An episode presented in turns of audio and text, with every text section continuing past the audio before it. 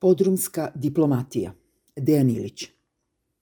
Nije to bilo davno, čitalac će se lako setiti šta je sve Vučić dobio na poklon od Trumpa. Ključ, penkalo i malo kasnije dekanter.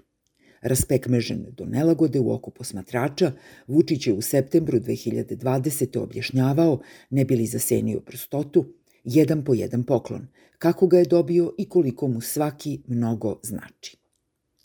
Juče je, recimo to tako, na adresu Vučića stigao još jedan odloženi septembarski poklon od Trumpa i njegove administracije.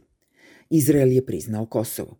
Dobro, nije juče, priznao je Izrael Kosovo još tog 4. septembra u Vašingtonu, dok je Vučić primao poklone.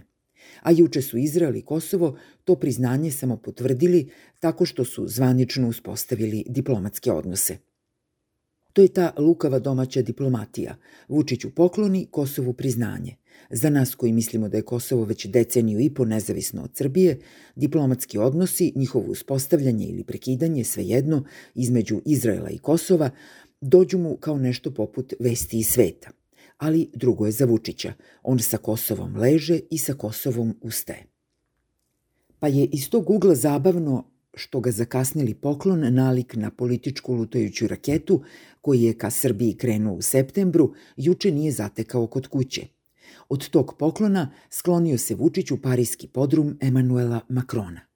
Da li je francuski predsednik bio ironičan ili samo snishodljiv kada je pohvalio Vučićeva hrabra i inovativne rešenja za pitanje Kosova, teško je tačno odmeriti. Od Kosova verujem da su Makrona više zanimali aranžmani u vezi sa Beogradskim aerodromom i metrom.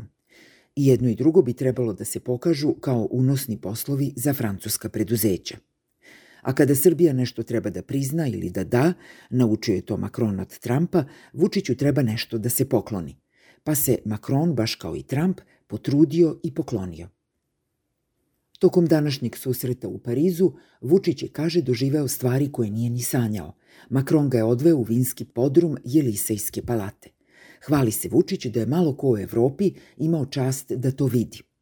Da, ponovo imamo lukavu ovdašnju diplomatiju na delu. Ostalo je tek nejasno da li je Makron rekao Vučiću to o časti što je malo ko imao u Evropi ili ovaj potonji to sam zaključio. Kako god, sva je prilika da se već neko vreme taj vinski podrum, zajedno sa kuhinjom i ostalim pomoćnim prostorijama u suterenu predsedničke palate, redovno jednom godišnje otvara za posete običnih ljudi, njih oko par stotina po jednom obilasku. Pored toga što mogu besplatno da razgledaju te pomoćne prostorije, posetioci mogu da kupe i suvenire, a prihod ide u budžet za obnovu palate.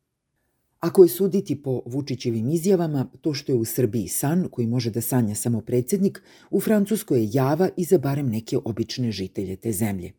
Ali neka čitalac ovde sada zastane i zamisli se, da li bi ga zaista zanimalo da se smuca po hodnicima i podrumima, pa bili oni i ispod palate francuskog predsednika. Što nas opet vraća na ključ, penkalo i famozni dekanter. Ako se pogleda kako je Trump počišćen, a počišćen je kao smeće, sa mesta predsjednika Sjedinjenih država, kakvu to vrednost daje njegovim poklonima i kako nama danas izgledaju oni koji su se donedavno neukusno i preko svake mere otužno njima hvalili. A sada na to dodajte i konkretni jučerašnji rezultat posete iz septembra. I pokušajte onda da zamislite kako će za par meseci izgledati rezultat jučerašnje Vučićeve posete Makronu. Razgovaralo se o Kosovu, aerodromu i metrou. Kosovo je inovativno ili ne već rešeno. Po analogiji sa tim rešenjem, šta bismo mogli da očekujemo za aerodrom i metro? Ovde se već govorilo o Petričićevoj karikaturi Vučića kao poglavice. Petričiću se zamerilo da je prekardašio, pored ostalog i tako što je posegnuo za rasističkim stereotipima. I zaista, nije Vučić od onih poglavica što su trgovali da bi dobili ogledalce i džinđuve – On se menja za ključ, penkalo, dekanter i silazak u podrum.